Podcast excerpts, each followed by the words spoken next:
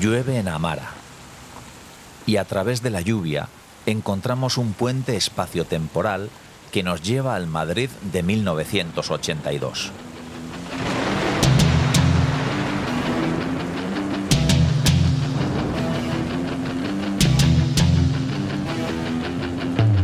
Y fue una temporada que yo estuve en Madrid y me tuve que buscar la vida, descaradamente. Que fue cuando ya el escalón de, glutamato y a, a parálisis permanente fue por puta iniciativa. Fue verle a Eduardo y Ana ahí en el Rocola y decirles, oye, si necesitas un bajista, llámame. Y van y te llaman. Eso fue así. Chao. En ese, en ese momento yo creo que, que todo lo que se estaba viviendo era como a toda hostia. Recluso que me mira, me sonríe Este va a ser un viaje a Mara a Madrid de ida y vuelta. Un viaje de unos 40 años y cuatro cuerdas. Las del bajo del donostiarra Rafa Balmaseda, integrante de uno de los grupos de culto de la movida madrileña, Parálisis Permanente. de la.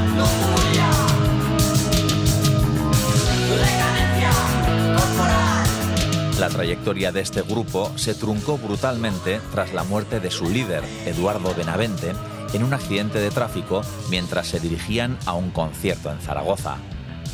Con un solo LP publicado, El Acto, la sombra e influencia de parálisis permanente sigue siendo muy alargada. Y en este capítulo de Estamos Dentro, al menos durante un rato, nos vamos a cobijar en ella. Y digo que al menos durante un rato, porque Rafa Balmaseda tiene muchas aventuras musicales más que contarnos.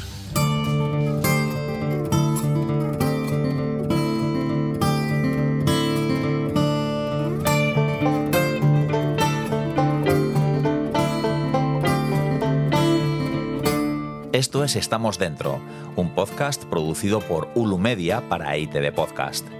Personas, historias, hogares y dos micrófonos. Un saludo de John Martija.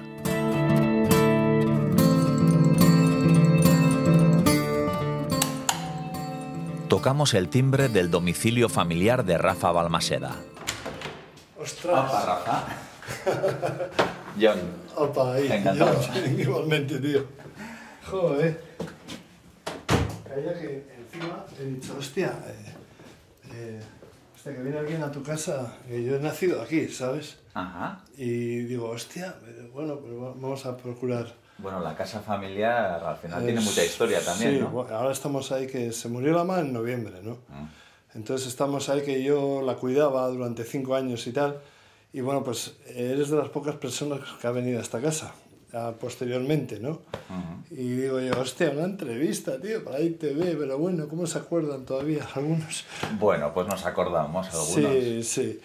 Nada, bienvenido, tío. Si Bueno. quieres hacemos aquí, ahí esta es mi habitación y después tengo esta habitación para ponerla, que a lo mejor Vale. es más... Igual para los micros nos va a ir mejor esa mesa. Sí, sí, Con los sí, porque no tengo otra mesa y por eso te digo... Nada, pues esa, perfecto. Sí, he pensado, eh, digo, seguramente aquí la he vaciado, porque esto es como un todo a 100. Mi madre era adicta a comprar cositas de estas en todo, en todo a 100 y bueno.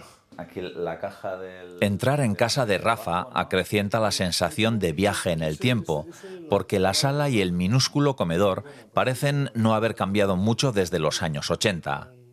Las figuras de porcelana conviven con las fotos familiares y unas cuantas imágenes de actuaciones de Rafa. La casa y bueno, ese es el cuarto de mis padres que lo tengo encerrado porque estoy sacando como ropa y, y es un rollo, se te viene como todo. encima. recuerdos, ¿no? Sí, te haces de piedra, pero hay algún momento en el día que es como, oh, vas sacando ropa así al, al container y dices, hostia, qué de cosas. Y todavía me falta vaciar todo esto. Tengo parte del armario de su cuarto que también, bueno, una pasada.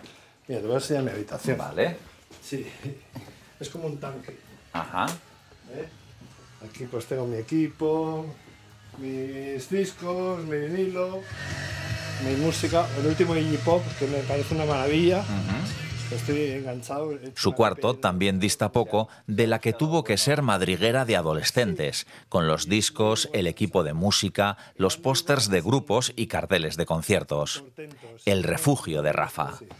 Y bueno, pues ahí está mi último grupo, Charlie User, bueno, mis favoritos que son Killing, Killing Joke, Joke.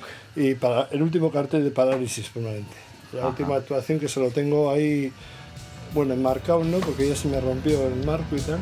Venga. Pues venga, nos ubicamos ya. Sí, sí.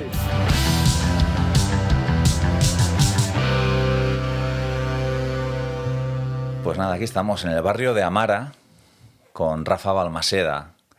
Muy de barrio, tú también, ¿no, Rafa, o qué? Joder, que sí. Yo hasta los 13 años así, por aquí andaba como un loco por el parque y, y cuando todavía no había ni arco ni nada de eso. Había ferias, marismas, huertas con lechugas y demás. Bueno, con Rafa Balmaseda podemos hablar de muchas cosas, sobre todo de música, porque tu trayectoria pues realmente es importante, ¿no? Mm, Que también quiere decir que tienes unos cuantos años, pero años, Sí. años vividos con intensidad en lo musical también. Hombre, yo eh, a los 14 años ya estaba con, tocando el bajo. Yo he leído que en verbenas. Sí, sí, sí, con grupos como Arcaich y Kaiska, sí, ahí, ahí empecé a comprarme equipo, como quien dice. Eh, empiezas con las verbenas tocando versiones de los Beatles, y Jotas, Ariñaris, polcas y demás. Cosas de Egan, de Gorka Kenner y así, ¿no? Pues eh, cosas de verbena, seis horas o siete horas ahí por los pueblos, Saldivia, Villabona, no sé, pues todo lo que estaba por el Goyerri y demás. Y empiezas ahí. Eh, bueno, yo empecé ahí a raíz de, de que empecé con un grupo que tocaba en Rentería, que es un grupo que se llamaba Keo, pues que era un grupo con mi hermano. Bueno, empecemos quizás un paso atrás porque el bajo, ¿no? Muchas veces suele ocurrir, hay un poco esa fama, ¿no? De que el bajista es al que no le han dejado tocar la guitarra o, o que ya no quedaban más instrumentos y, y se ha tenido que conformar con el bajo, que esa es una, una fama muy Sí. mal ganada porque hay mucha gente vocacional. Eh, ¿Cómo fue tu caso? Bueno, lo mío fue una cosa inesperada porque yo no sabía tocar ni la guitarra ni el bajo. Entonces, eh, mi hermano me propuso de que les hacía falta un bajista y bueno, pues yo me enrollé con el guitarrista que vivía aquí al lado en el número 4 y empecé a aprender un poco la guitarra y me atreví con una guitarra acústica con dos cuerdas menos. Y entonces empecé a tocar el bajo así, pero no tenía ni idea. Y esa fue el- ese fue el motivo. No, no era porque era guitarrista, ni solo fue porque, porque necesitaban y yo pues me dije, pues, pues me gusta, ¿no? Vamos a hacer. ¿no? Y ahora cualquier chaval que empieza mm, tiene acceso a los mejores instrumentos, amplis, pedales y de todo. En aquella época había que arreglarse con lo que fuera, ¿no? Hombre, en mi, la guitarra acústica era con una pastilla, con dos cuerdas menos, y era una guitarra, tocando el bajo con las cuerdas, con las cuatro cuerdas. No era un bajo eléctrico. Hasta que tuve el bajo eléctrico tuve que que mi difunto padre me, me ayudó para comprarlo. O sea que no, no fue una cosa que ah, toco el bajo y tengo un bajo, toco una guitarra y tengo una guitarra eléctrica, sino que no había ampli, no había nada y había que conseguirlo. Con los estudios. ¿Eras buen estudiante? E, e intenté serlo por ello. Después ya no estudié más, pero sí, si me ponía, lo hacía. Era una historia de que mi, mi aita pues, me ayudó, porque también me fui a un supermercado cuando se llevaban los carros ahí con dos ruedas a llevarla a comprar a las señoras que no tenía ni 14 años. O sea que me sacaba un poco la vida después de mis academias y contabilidad y derecho y, O sea, que vio iniciativa y dijo, bueno, y esto hay que, hay que apoyarlo. Claro, claro. Y ahí tuve mi primer bajo que lo compramos en el centro, no sé, una tienda de Zarauz, que no sé cómo- si era centro musical, no sé qué, y ahí fue mi primer bajo. Bueno, y me imagino que, que ese instrumento mm, sería como un sueño cumplido, ¿no? La verdad es que me quedé colgado, porque ya después, de, ahora mismo con, con casi 62, sigo tocando el bajo. O sea que no, nunca he pretendido tocar ni la guitarra, ni la batería, ni el teclado. O sea, eh, el bajo me ha gustado. eh, tampoco ha sido eh, que si no ando en bicicleta toco el bajo. O sea, se- ha sido el bajo.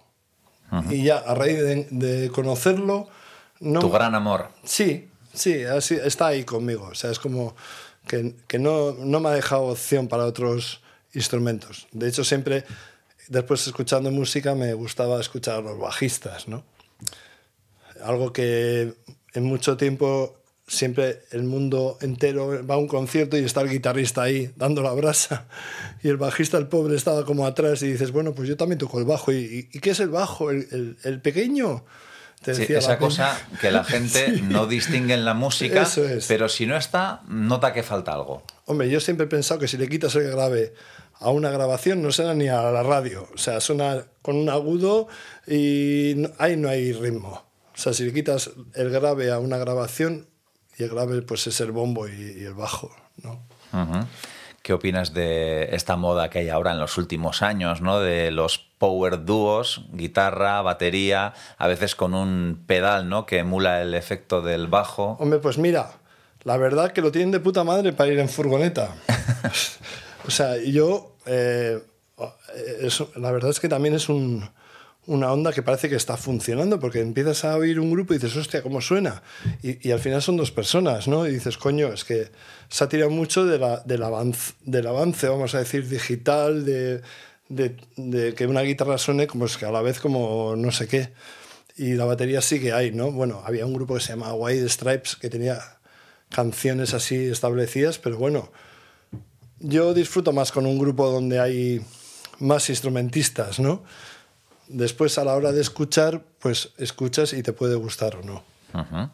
Eh, más allá de esas clases con el vecino, con una guitarra con cuatro cuerdas, eh, ¿diste más clases? ¿Has sido autodidacta? Autodidacta totalmente. Además, en esta habitación donde estamos, me ponía aquí con la guitarra, una guitarra flamenca, que la conseguí con puntos casa. Entonces había una historia de unos, unos, unos cromos que te daban ahí pequeñitos para pegar en unas Sí, cartillas. como unos sellos. Sí, ¿no? unos sellos. Y se hacían cartillas y mi madre se iba entonces a la calle de Urbieta, eh, sí, don- donde está la FNAC, enfrente había un sitio donde puntos secu te daban un premio, ¿no? Y ahí conseguí mi primera guitarra, que era una guitarra de tómbola, pero con eso aprendí. Aquí en este cuarto donde estamos bueno, abriendo esta, puerta, esta ventana, eh, sí que me escuchaban. Había una chica que tocaba el piano ahí arriba y me escuchaba. Incluso canté con mi madre, o sea, que canciones de los panchos y tal, el reloj y yo qué sé, pues eso. Sí, aprendes, pero por tu cuenta. A ti te dan el do, re, mi, fa, sol, la, si, y a raíz de ahí, pues eh, todo cifrado. O sea, me acuerdo como anécdota que mi madre me llevó al conservatorio, de, que entonces estaba en la calle Easo, al lado de bomberos, y casualidad había, ya estaba el curso empezado, y ya se dejó. Y ya a partir de ahí, pues desde los 14 hasta los 62, pues ni te cuento. Y escuchando grabaciones, tocando por encima, fijándote ¿no? en conciertos, supongo, en cómo tocan los bajistas. Oyendo discos, vinilos, porque entonces claro, tenía, tuve la suerte que tenía un hermano mayor que tenía mogollón de vinilos y traía mogollón de música y escuchabas los bajos, o sea, boom, boom, boom, boom, boom, pues estaba, pues estaba Jimi Hendrix, estaba Alice Cooper, estaba David Bowie, estaba gente que estaba antes que, que dices, hostia, ¿y cómo, cómo suena esto, no? Y, hombre, por supuesto que cuando empiezas con el bajo, te, te imaginas un poco cómo suena la banda y lo que hay detrás, ¿no? Después en, en los 80 ya el bajo se convirtió en un instrumento que solo sonaba él, ¿no? Es un- son etapas de, de la música, ¿no? Que se escuchaba muchísimo el bajo o eran unos virtuosos que decían, madre mía, yo lo dejo, que me pongo a llorar. ¿Cómo tocan? Bueno, esos primeros años, ¿no? De, de verbenas, a través de tu hermano también, ¿no? Entrando en el mundo de, de la música, ¿cómo lo recuerdas? Bueno, yo recuerdo que, que tuve la oportunidad de poder seguir. Mi hermano lo dejó. Fue una cosa que, fíjate, él me metió a mí y, y yo con, con 15 años eh, eh, me iba a tocar a las verbenas porque venían los miembros del grupo a casa, aquí a casa de mis padres y les pedían permiso para llevarme y traerme. Claro, era un menor de edad. Y recuerdo esa, esa época como, ostras, ¿no? Va, tocas seis horas ahí, tum, tum, tum, te dan de cenar y te, te- te sacas 10.000 pesetas, que ahora serían 60 euros, y entonces era una, una pasada. Me compré un Fender Precision, que, que- madre, madre mía, que ahora cuesta una millonada, pero dices, hostia, estoy haciendo algo que no, no sé si estoy ganando dinero o es mi profesión o qué es lo que pasa aquí. Pero vale, dejas de estudiar, dejas de estudiar, además estaba en formación profesional, estaba haciendo electricidad aquí en Peritos, en el instituto, y dejé de estudiar y seguía tocando. Y ya te digo, o sea, esa época la recuerdo como que venían aquí los que eran más mayores, oye, podéis que venga Rafa y tal, eh, nos dais permiso. Y digo, hostias, O sea, tú veías que ese podía ser tu modo de vida, que podías ganarte la vida sí, con yo la estaba música. emocionadísimo. Joder, imagínate, wow. Y tus padres que decían, porque claro, dejar los estudios para la música, Ya, hombre, tenía el bachillerato, tenía el EGB, ya me había hecho entero, ya tenía el cuarto bachiller aprobado y todo y tal. Lo demás era una formación profesional que empecé a estudiar electricidad por mi hermano mayor, que era electricista, pero no tenía claro nada. Pero lo del bajo, bueno, lo del bajo me volvió loco. Entonces, eh, no, no fue una historia de montar un grupo y a ver qué pasa, sino que fue un proceso sin, sin escuela, vamos a decir, con la escuela de la puta calle. eh, y, y bueno, pues que- queriendo hacer algo y que no me lo podía imaginar y me salió bien. Me salió bien, lo pasé estupendo. ¿cuánto Estupendo. tiempo estuviste con el grupo de verbenas? Pues bueno, ahí pasó que me- en vez de en tocar en un grupo, llegué a tocar en dos. Ajá. Porque coincidía de que yo era más pequeño y entonces en Arcades, que todavía creo que funciona, y Gaiska, los bajistas, tenían que irse a la mili. Y claro, yo tenía tres o cuatro años menos y entonces es, es ahí donde yo entré, ¿no? Y, y llegué a tocar en dos grupos a la vez. Entonces lo de las verbenas era O sea, que un fin de semana libre y los veranos, vamos, no, a sin tope, parar. a tope, pero nada, de ir, volver y volver a ir y tal. Vamos, que el equipo se quedaba en la furgoneta. Vamos, tampoco eran, pero eran muchas horas. Claro, no conoces el rock and roll. Cuando ya conoces el rock and roll, la cosa cambia, porque te- realmente no estás tantas horas tocando y repitiendo. La gente en, esa época se ponía hasta el culo también. Pero tú no lo sabes, va, voy a disfrutar y horas y horas y horas y horas. Acabas a las 5 de la mañana en un pueblo de por ahí.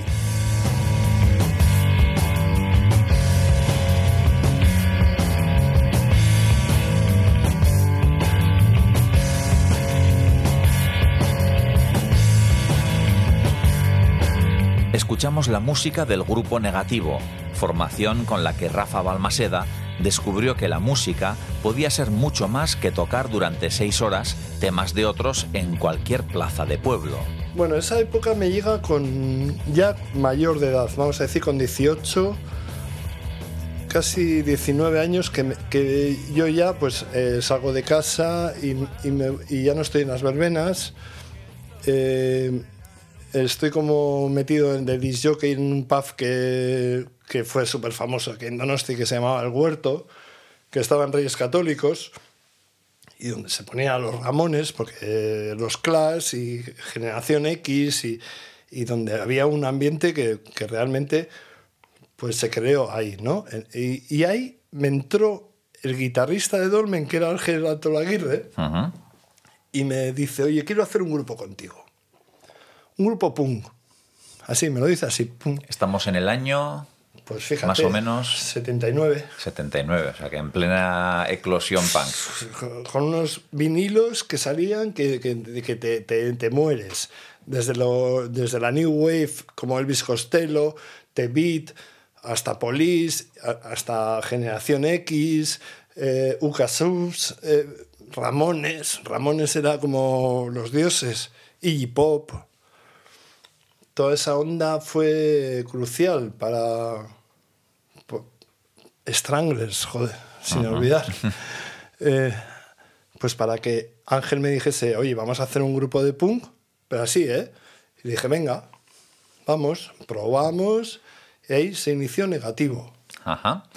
Eh, dentro, más o menos, un poco generacionalmente, de aquello que se llamó Donosti Sound. No. No, No. antes. Sí.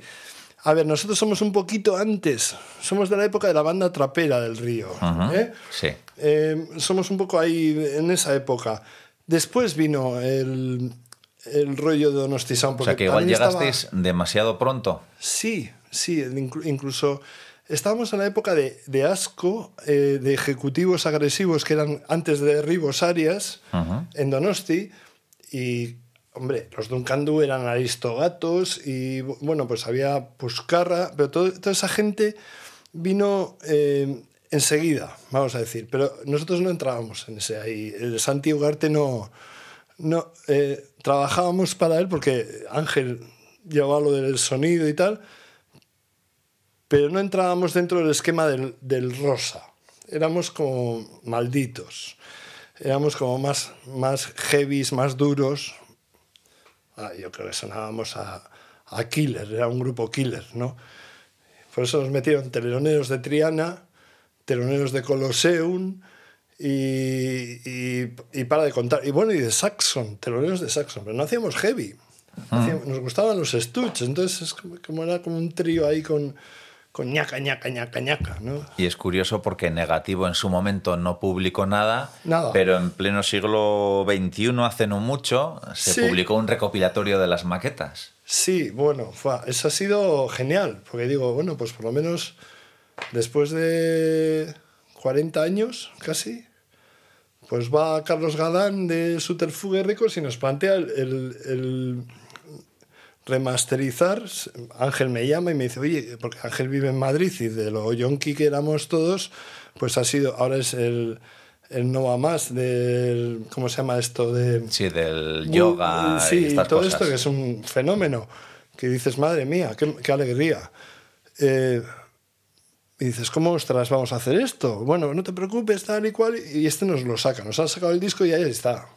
O sea, que te quiero decir que, que el- lo, me ha gustado más que se haya sacado el disco después de 40 años que en el momento que se podía haber sacado.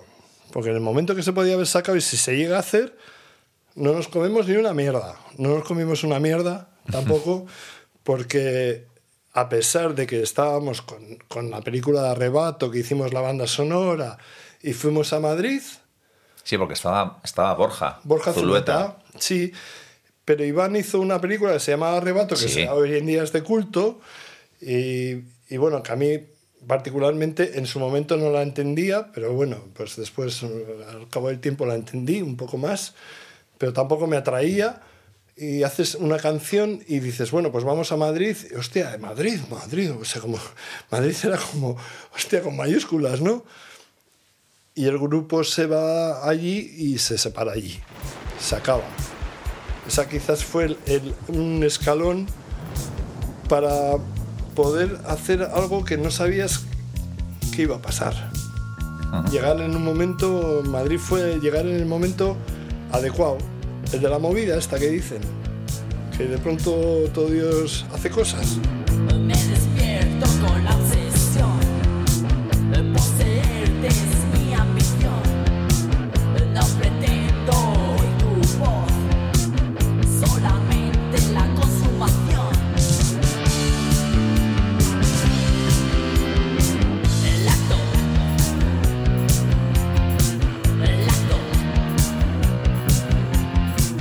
Madrid, a Rafa Balmaseda se le cerró una puerta con la disolución de Negativo, pero se le abría un nuevo mundo.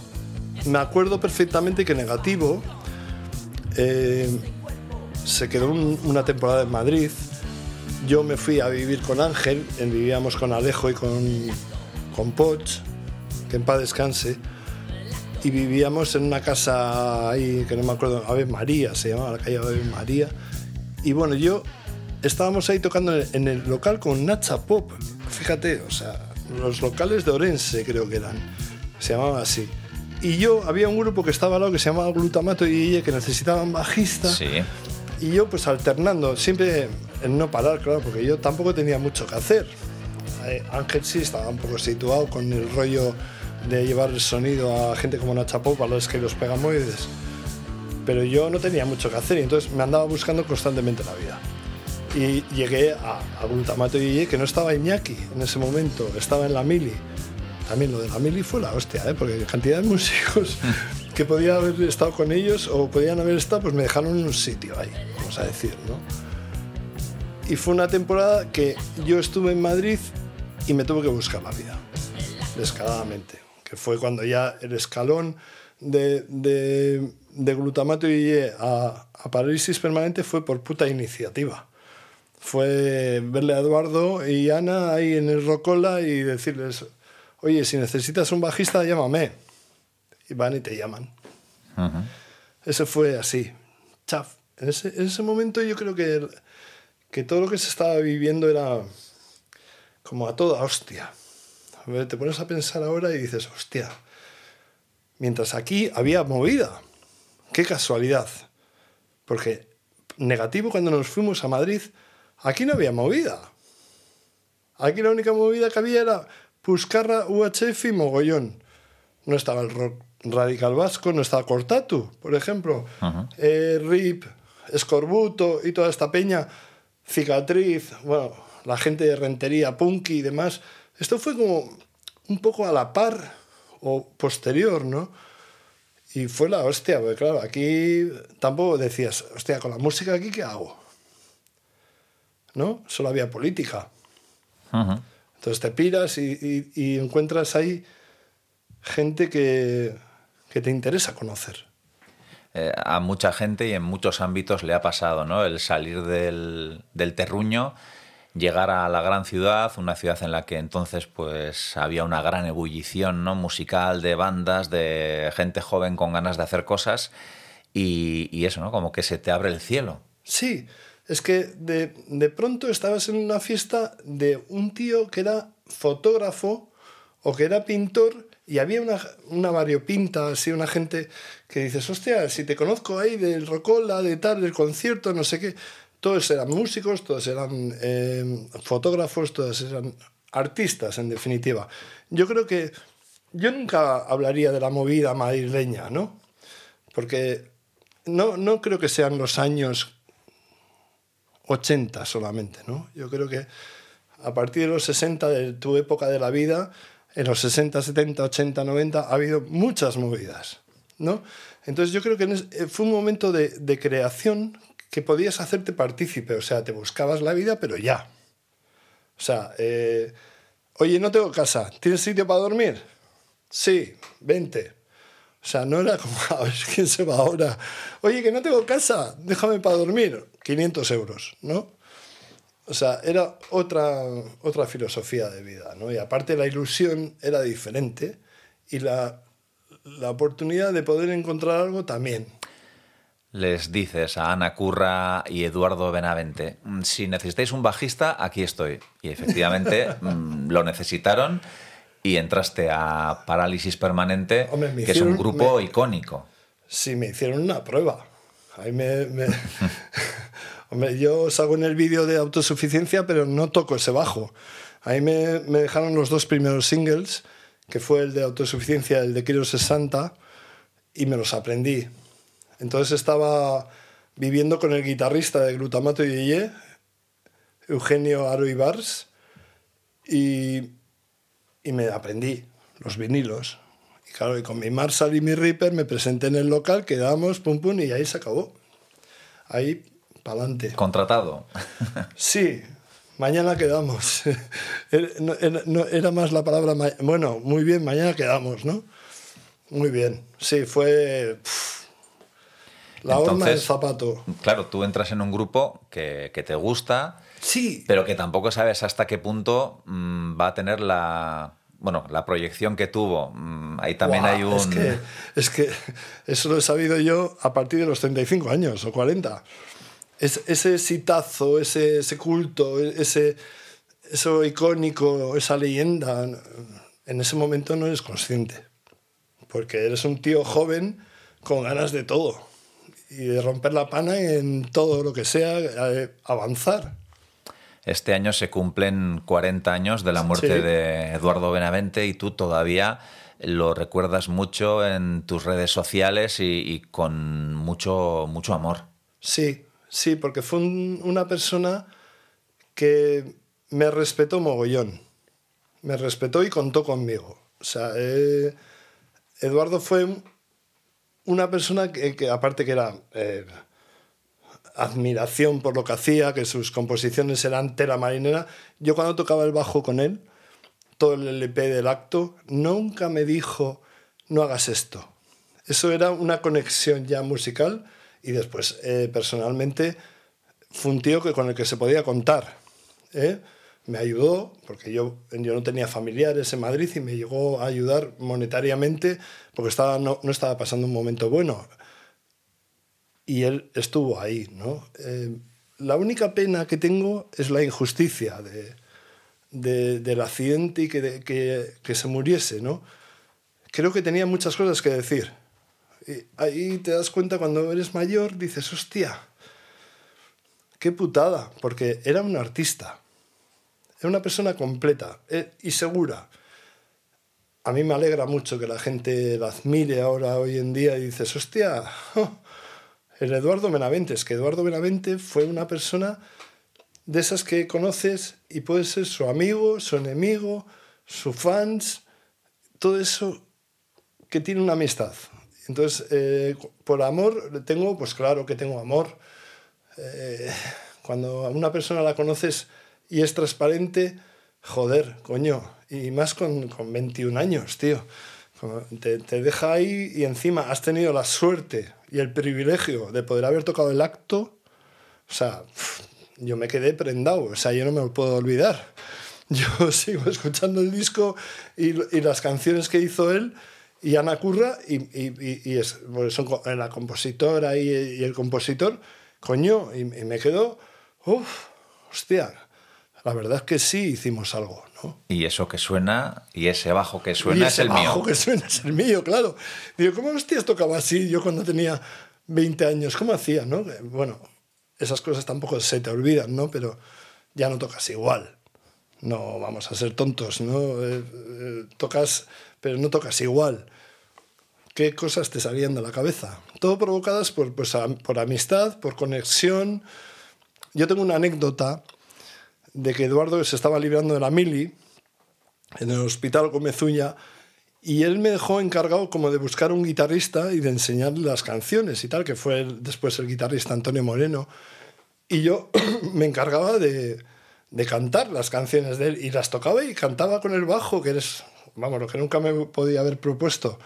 Y hasta que encontramos el guitarra y se emprendió los temas, estuve ahí porque esa fue como una misión que él me mandó. Me dijo, venga Rafa, y bueno, pues eso también se te queda ahí dentro, ¿no? Hostia, hostia. Sí, se te queda. Es, es- es- eso es amor, tío, ¿no? Dices, hostia, que una persona cuente contigo, ¡guau! Duró poco. Sí, decía yo la proyección que tuvo el grupo, pero claro, la proyección que tuvo post-mortem. Porque Sí, claro. en su momento ese disco, bueno, pues eh, mm, tuvo el éxito que tuvo y la carrera, que nunca sabremos eh, Hombre, qué yo- proyección mm, habría tenido, se truncó con un terrible accidente con la muerte de Eduardo. Sí, yo, yo reconozco también muchas cosas. De ese disco, la portada era increíble. Yo, yo voy a un sitio de discos de que venden vinilos y veo esa portada y me lo compro. Sin escucharlo. Que me ha pasado con vinilos de otro, otros grupos. Y después lo escuchas y no te ha gustado. Pero este disco gustó. Y en ese momento yo creo que se truncó una carrera, pues siempre hay gente y, amigos y fans que te preguntan, joder, si Eduardo no hubiese muerto, ¿qué hubiese ocurrido? Coño, no lo sé ni yo, pero desde luego que íbamos a saco, a saco, o sea, se truncó por la mitad. Yo te puedo decir que cuando se truncó la historia teníamos muchas galas firmadas para ir a tocar. O sea, no había descanso. Fines de semana, pim pam pum. Entonces no, no sabía si ganabas 300.000, 400.000, 100.000, pero sí los sitios estaban llenos. Pero no eras consciente. Claro, el, culto y eh, la, la historia épica ha sido ahora. Para mí también. Para mí personalmente ha sido que tocó todavía una canción de Parálisis ahí con cualquier grupo y me emociona. Pero ha sido ahora cuando la gente te has dado cuenta, de, hostia, y os gusta, mexicanos, peruanos, chilenos, españoles, ¿no? Vascos, o sea, un respeto que dices, hostia, pues gracias, ¿no?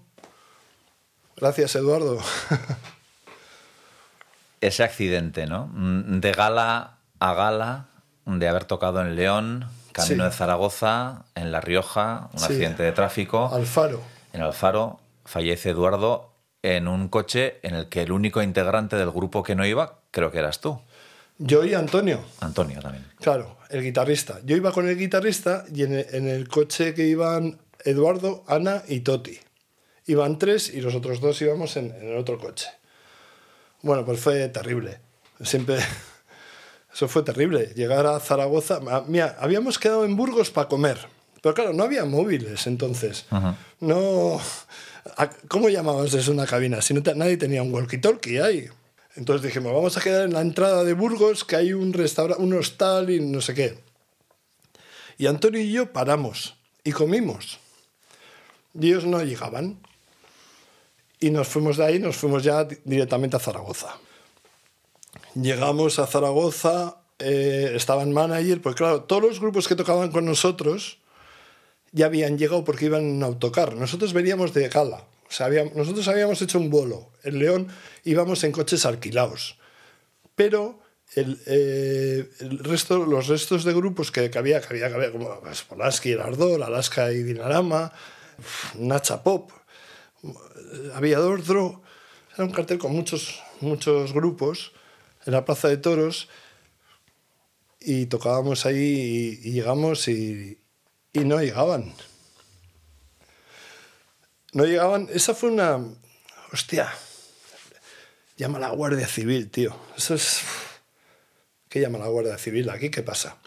Y yo siempre he sido de los que me quedo ahí, que le veo a Pito, al manager, que sube a toda leche ahí. A, a la- era una plaza de toros. Que sube por unas escaleras por un, y le sigo. Y dan la fatídica noticia, que hay un- uno que está muy grave. Nos fuimos en un taxi, el manager, yo y el guitarrista, porque no éramos capaces de conducir. Y yo le decía a Antonio, Antonio, Eduardo está muerto. ¿Qué dices? ¿Qué va? ¿Qué dices? Que sí. No nos dejaron ni ver. Llegamos al faro y bueno, pues nos dijeron que... Y los otros dos, o sea, Curra y Toti, estaban uno en cada habitación que tenían pues... Curra debía tener la clavícula y el otro estaba como golpeado, pero bueno, estaban inconscientes o, anestesiados. Sobre todo Curra, me imagino, del susto, claro. Pero Eduardo estaba muerto, tío. No nos dejaron ni ver. Claro, había que comunicar a la familia también. Fue un, un trozo bastante desagradable con 20 años, con 21. Y dices, hostia, no estás preparado. Recuerdo en el hotel que dormí Esa solo- edad en la que te crees inmortal. Sí, es una edad que, que hostia, que yo, yo llamé a esta casa y llamé a mi madre y dije, mamá, que hemos tenido un accidente, porque anteriormente habíamos tocado aquí en Las Artes, Sí, en el autódromo. en el autódromo, y estuvimos aquí en esta habitación donde estamos tú y yo comiendo todos, que les traje a mi casa. Y fue algo como, wow, mis padres flipados, con unos pelos todos ahí que flipa, unas pintas, todos de negro, de cuero, hay pelos tiesos, hay cardaos. Y estuvimos aquí y, a los 14 días, porque eso fue el 23 de abril, el 14 de mayo, taca. O sea, no, ni un mes. Inolvidable.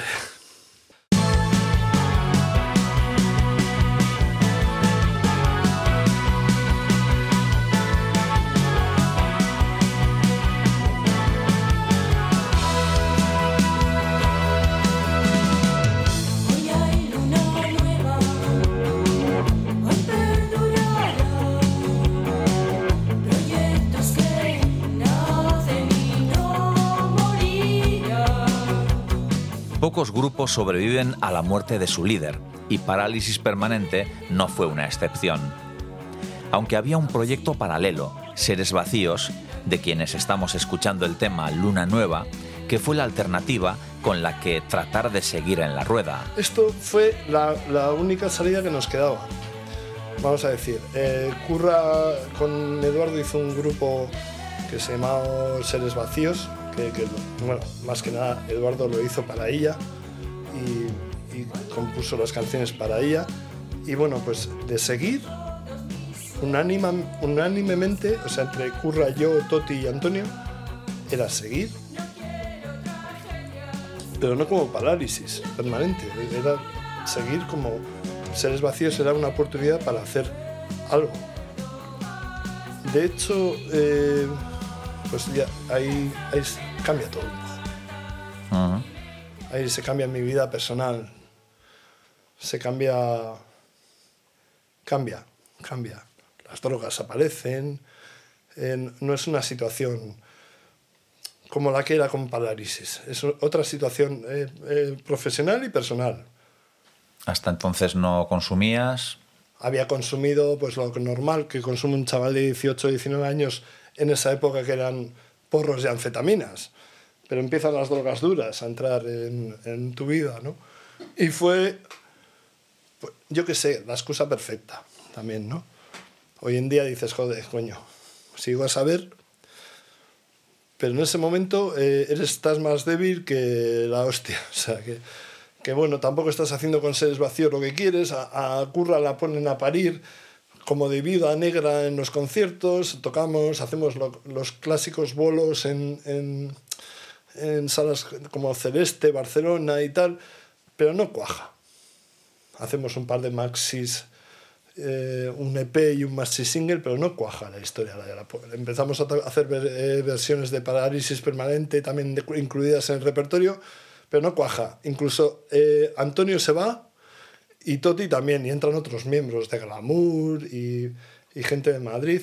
Yo sigo con ella, pero porque no tenía tampoco a dónde agarrarme. ¿eh? O sea, yo tampoco estaba... uf, y encima cada vez estaba peor, personalmente. Sí, fue una época durilla. Sí, seres vacíos que no, como apuntas, no, no cuajó.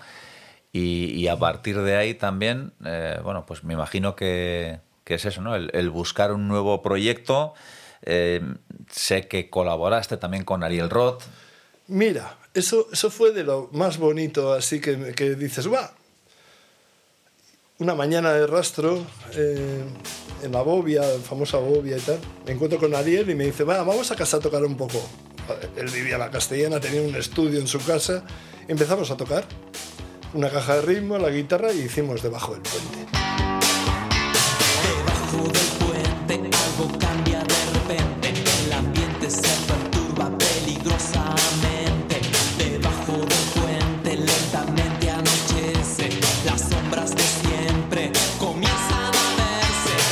La verdad que fue lo que más así, que el tío encima fue súper legal de venir a un local donde ensayábamos en tablada. Me dice, venga Rafa, vamos a firmar esto, ¿no? Que lo voy a sacar como título de disco y de single. Joder. Dije, coño. Pero yo tampoco estaba. Ya no estaba, ya me iba a marchar porque ya veía que no... que las cosas no iban bien. Trabajé en la Edad de Oro, azafato de imagen, que se llamaba. Entonces ganabas 10 talegos por hora y media, con un chamorro, con una paloma. Que te- me- fíjate que les- te- yo llevé a cenar a, a los Lords of the New Charts, que era mi grupo como favorito, que después posteriormente con vidas ejemplares aquí tocamos de teloneros y tal. Y dije, joder, joder. Y tenían todos un pedo que, que dices, madre mía, si yo no me he puesto tan pedo como estos. O sea, que, que como que nos llevaban todavía kilómetros, ¿no? Pero bueno, sí fue una experiencia lo de Ariel. Ariel fue una experiencia y bueno, pues la tengo en cuenta. Sí, que tampoco cuajó mucho ese disco. Bueno, pero gané una pasta. Ah, eso es importante. Sí. No, gané una pasta con la- en la Sociedad General- de Autores, pero bueno, que tampoco tuvo eso. No, es que los 80, ahora, hoy en día, de los 80, ¿cuánta gente realmente triunfó ahí? Gabinete se jodieron con el cha-cha-cha. La frontera puta madre. ¿Cuántos grupos más? Loquillo y los trogloditas. El último de la fila. ¿Qué grupos había? Nacha Pop. Parálisis permanente no. Parálisis permanente ha sido después. O sea, eh, to- todo lo icónico y heroico y grupo de culto ha sido a raíz de los 30, 30 y tantos años. Yo durante todos los... Me tiré seis años más en Madrid. No era... Vale, el bajista de Parálisis, pero no era, no era nada como puede ser ahora. Hostia, Rafael, de bajista de Parálisis. Que hay gente que te dice, jode coño y tal, ¿no? Pero es que era el mismo. ¿Qué ocurrió ahí? ¿No? ¿Qué- qué- Ese impasse, ¿qué, ¿qué ocurrió? Porque yo me volví aquí y me fui a trabajar de mensajero. No podía seguir ya con la música, no me daba. Ujú. No podía pagarme una casa en Madrid, no podía comer, no podía... No, no existía ahí, eres el bajista de Parálisis, no, no, nunca. Y te vuelves a Donosti. Sí. 85, 86 me vuelvo a Donosti. En el 87 vuelvo a grabar con Ana Curra un maxi single que me llama para grabar el bajo, me paga como músico de estudio y me vuelvo aquí. Pero aquí me, me compré una Vespa, le pedí a la cucha un crédito y me compré una Vespa 200 y a repartir. Trabajar. Trabajar ya. Yo creo que esa época ya del 87 al 92 trabajando.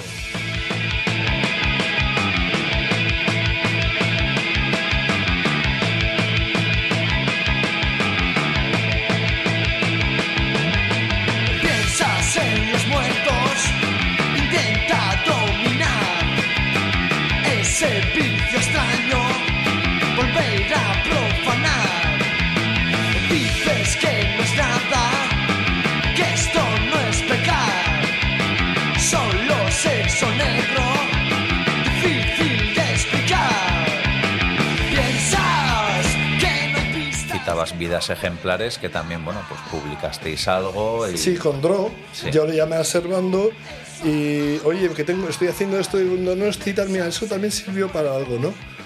Eh, y nos sacó un, un LP, pero tampoco, tampoco tocamos. O sea, tocamos aquí, hasta en un festival en Narreta, que nos vetaron porque había alguien que había sido demasiado profesional y ya tenía discos grabados, o sea, que no nos daban el premio y era por mí.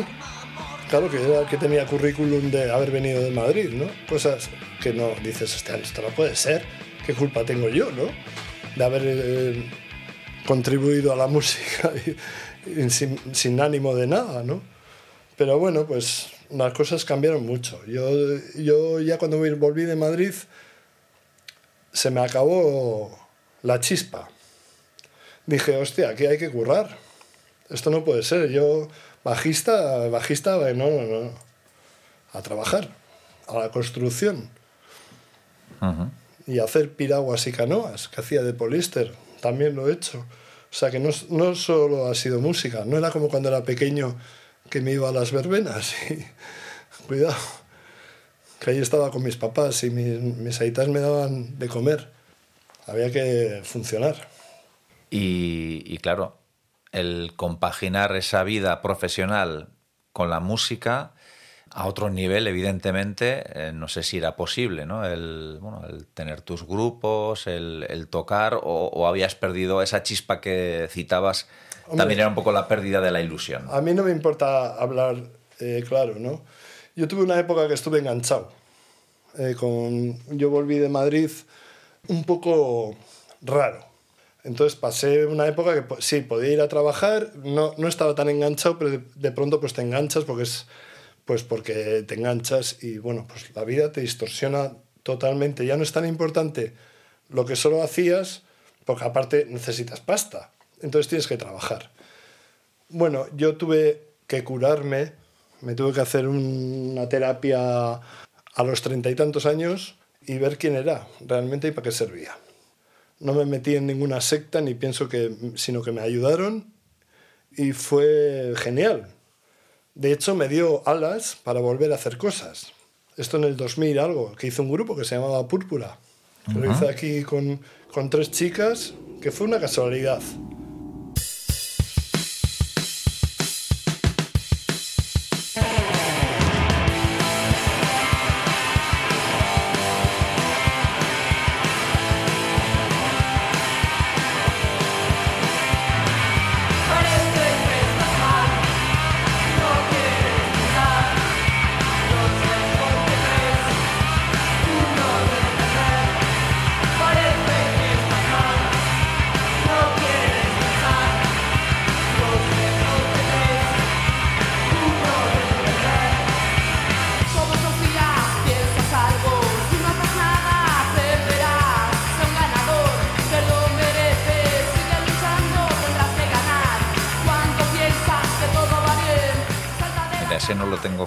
Mira.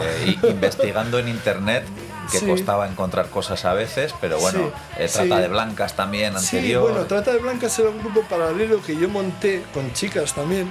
Bueno, no sé, las mujeres que me encantan. no sé qué me ocurrió. Pero Trata de Blancas fue un, un- un grupo que, que era pues la novia del hermano de Eduardo, la novia del guitarrista, y, y que era paralelo y que nunca hicimos nada, pero bueno, que tocamos nuestras canciones, ¿no? Y Púrpura fue un disco, o sea, fue un grupo que también eh, eh, lo hice por casualidad, por casualidades de la vida, y que Sanka Discac, que era un. lo llevaba Oyer, y sacamos un, CD con cinco canciones, y bueno, tampoco pasó nada. Realmente, pues si haces un poco así, Vergara, Martutene, Loyola, Donosti, Bukowski, y, y- y para de contar, ¿no? Y también se fue un poco a la mierda, pero ahí yo me empecé a picar un poco.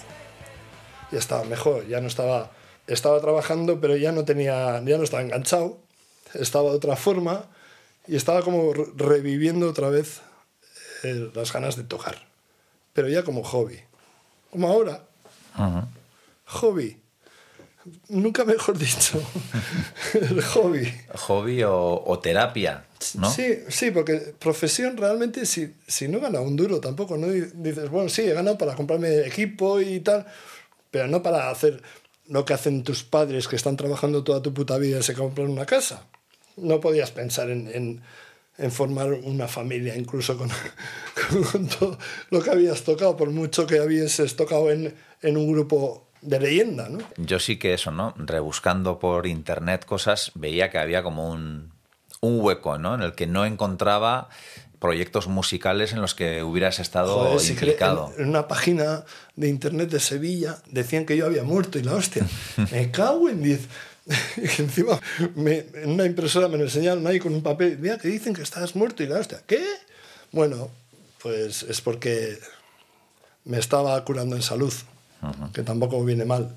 Pero bueno, en tus últimos años sí que has estado muy activo musicalmente, ¿no? Eh, digamos, pues eh, tengo a los Paralíticos, Sí. Dosis Grey, Eh. con Charlie Usher y los ejemplares. Sí. Ahí digamos que, que también has vivido otro pequeño gran momento de gloria, aunque en este caso mm, no sé hasta qué punto la pandemia pues truncó muchas ilusiones.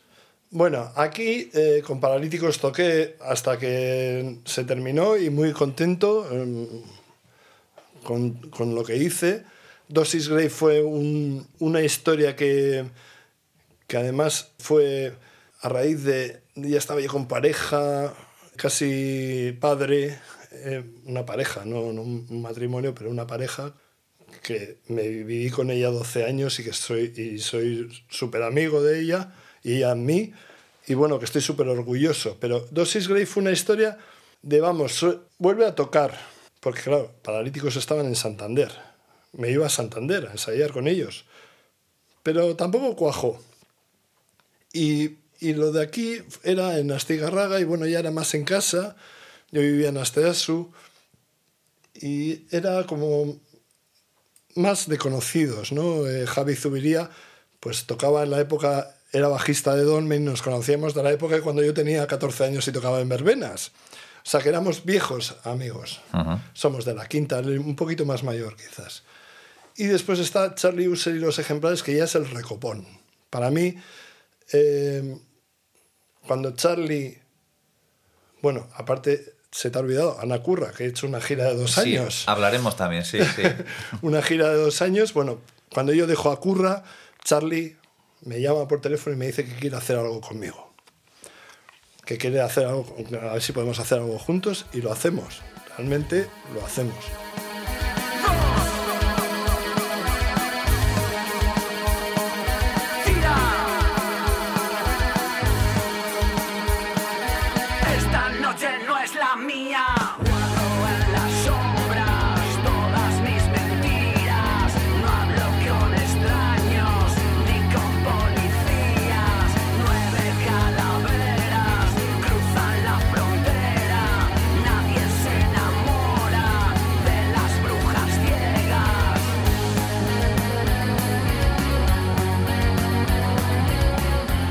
Que pasa que ahora pues yo he querido parar, he tenido una operación un poco importante, personal, y no estoy con las facultades de querer tocar, aunque no se me olvida. Y estoy con el gusano otra vez, porque ya han pasado seis meses y ya estoy otra vez con el mono.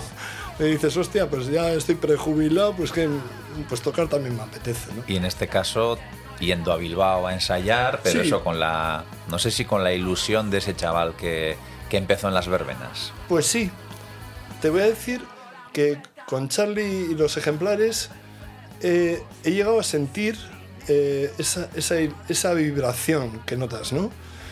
Hostia, pues, tu hermano te dice, mi hermano me dice, tío, pero que tienes 61 años, ¿qué haces, no?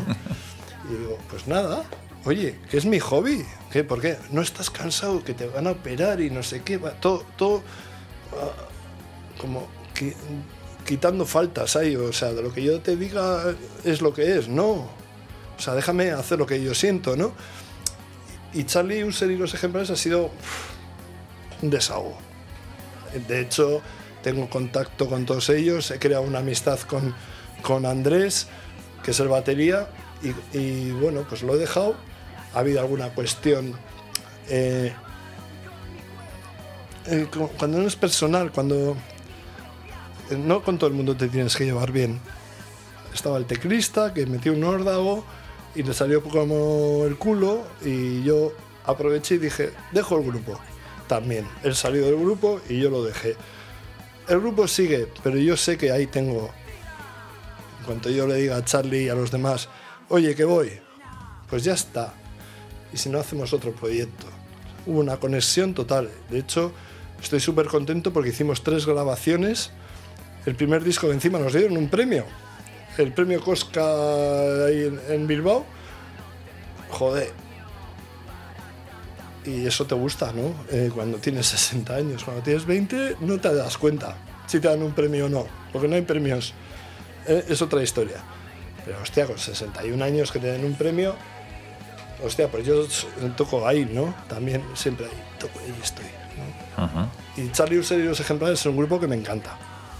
Y que aunque yo no esté ahora tocando, ellos saben que estoy ahí. Y Charlie es un tipo que lleva muchos años en esto y, y que Pues creo que tiene toda la dignidad y, y toda la autenticidad que, que le puedas mí, pedir. Sí, a mí, para mí ha sido como dar con el Eduardo Benavente 2. O sea, para mí, mira, fíjate, en el 30 de octubre hicimos el día del cumpleaños en Madrid, hicimos una presentación del libro de Eduardo Benavente, que lo escribieron Pedro Mostre y Aníbal Clark, que son amigos míos, y nos plantearon el tocar en Madrid, pues un poco el repertorio de Charlie User y los ejemplares y, y otro un poco el repertorio de parálisis permanente. Joder, pues Charlie lo bordó. Aparte que Charlie ha tenido grupos como Carniceros del Norte que han versionado también a... que son grupos de fans, ¿no? De, él son fans de, de Parálisis, ¿no? Y claro, esa conexión de fan y de... Hostia, pues es que te admiro. Pues yo a ti también, porque tiene, el tío tiene crédito, pero por todos los lados. Como grupos que ha hecho, como su cantautor, vamos a decir, ¿no? Su propio su propia composición, sus propias metas, Radio Crimen, el grupo punk por excelencia, en este momento para mí en Euskadi. O sea, coño, tiene créditos, ¿no? De, de- de- dices, hostia, pues tiene un trabajo detrás que cualquiera le sopla. Y si somos amigos, mejor. Eso irónicamente. No, no, muy bien. Yo con Charlie me llevo de puta madre y, y espero volver a trabajar con él, porque yo desde luego que me eh, dejé de tocar, pero por la puerta grande. O sea, oye, no me apetece porque estoy recuperándome de mi operación y quiero descansar. Otra cosa es, me voy por la puerta ancha y que os jodan y que os den por culo. Eso no, eso no me ha, no me ha ido nunca, no me gusta.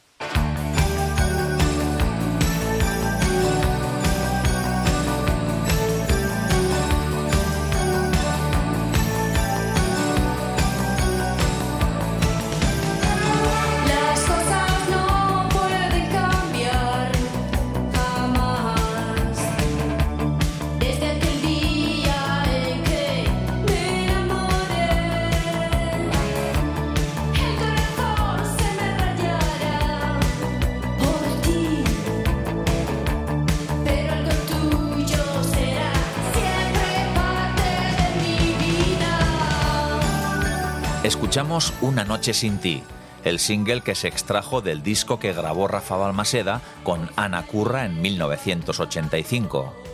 Su reencuentro muchos años después no dejó un buen sabor de boca a Rafa Balmaseda.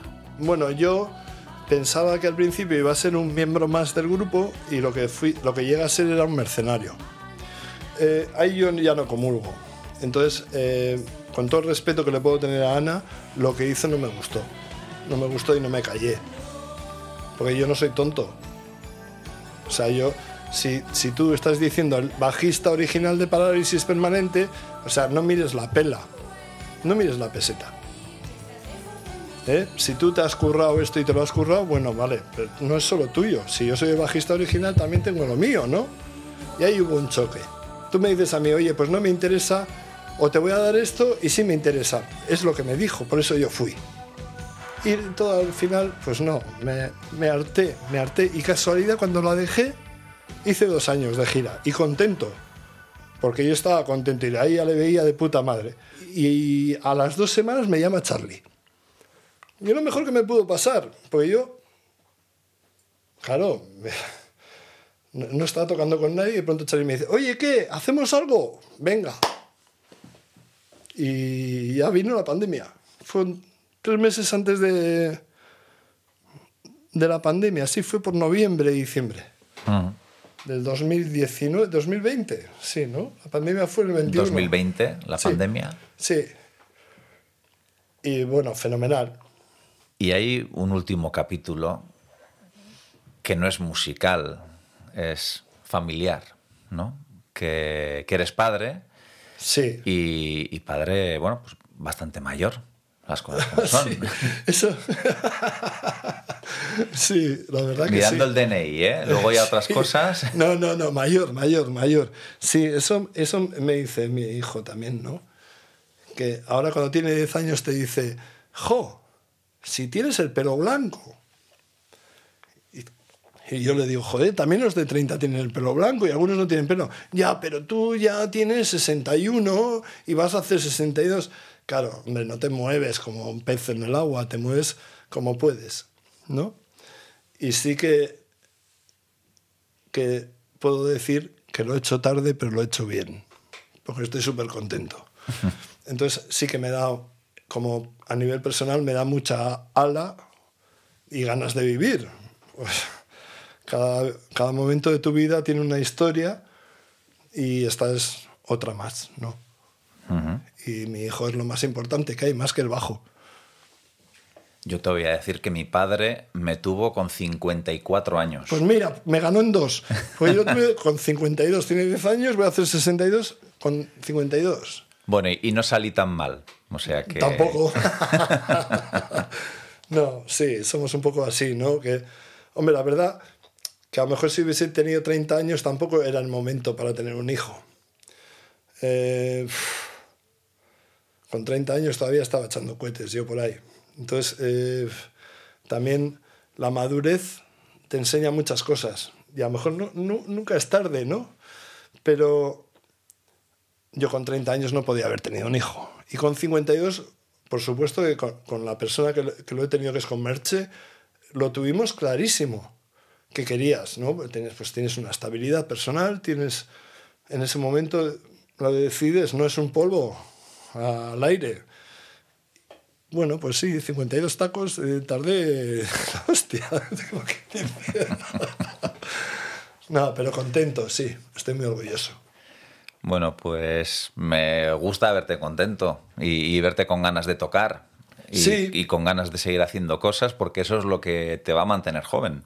Sí, yo creo que sí, que, que al final, el, hombre, no todos los días estás contento, no todos los días te hacen una entrevista tampoco, ¿no? Entonces, yo también te agradezco a ti que, hombre, pues eh, a mí que me hagan una entrevista así, que me sincere y que diga lo que me dé la gana, prefiero decirlo antes de que me muera y digan de mí lo que les dé la gana, ¿no? Prefiero los homenajes siempre en vida, ¿no? Vamos a decir, ¿no? Y, y ahora mismo pues estoy con ganas de tocar, con ganas de estar bien, con ganas de tener al hijo y con ganas de, de que tú me has llamado, oye, que te quiero hacer una entrevista, es así, así. Joder, perfecto, es perfecto. Sí, te mantiene joven, sí, sí, te mantiene con vida, ¿no? Es... es eso, ¿no? Joven, hombre, por supuesto que no tengo 18 ni 20 años, y lo notas físicamente y lo notas eh, en la cabeza, que, que no rula igual, pero hostia, aquí estamos. Aquí estamos, en este Sí. comedor familiar Sí. en el que estuvieron comiendo parálisis permanente. Fíjate, es que aquí es- mismo.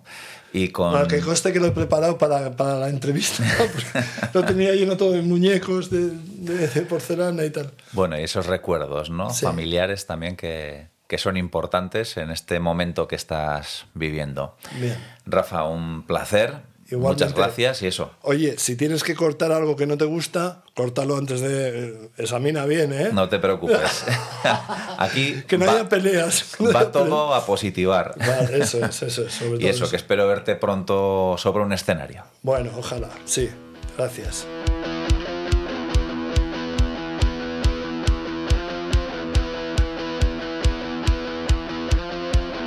Hasta aquí esta visita de Estamos Dentro, en la que hemos puesto el foco en uno de esos músicos que habitualmente suelen estar al fondo del escenario. Pero eso no quiere decir que no sean importantes y que no tengan una interesante historia que contar. Espero que os haya gustado.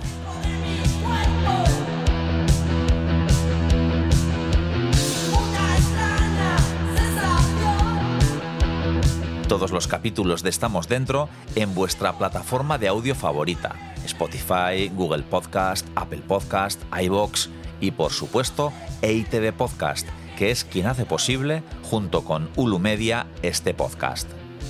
Un saludo de John Martija y nos encontramos en la próxima visita.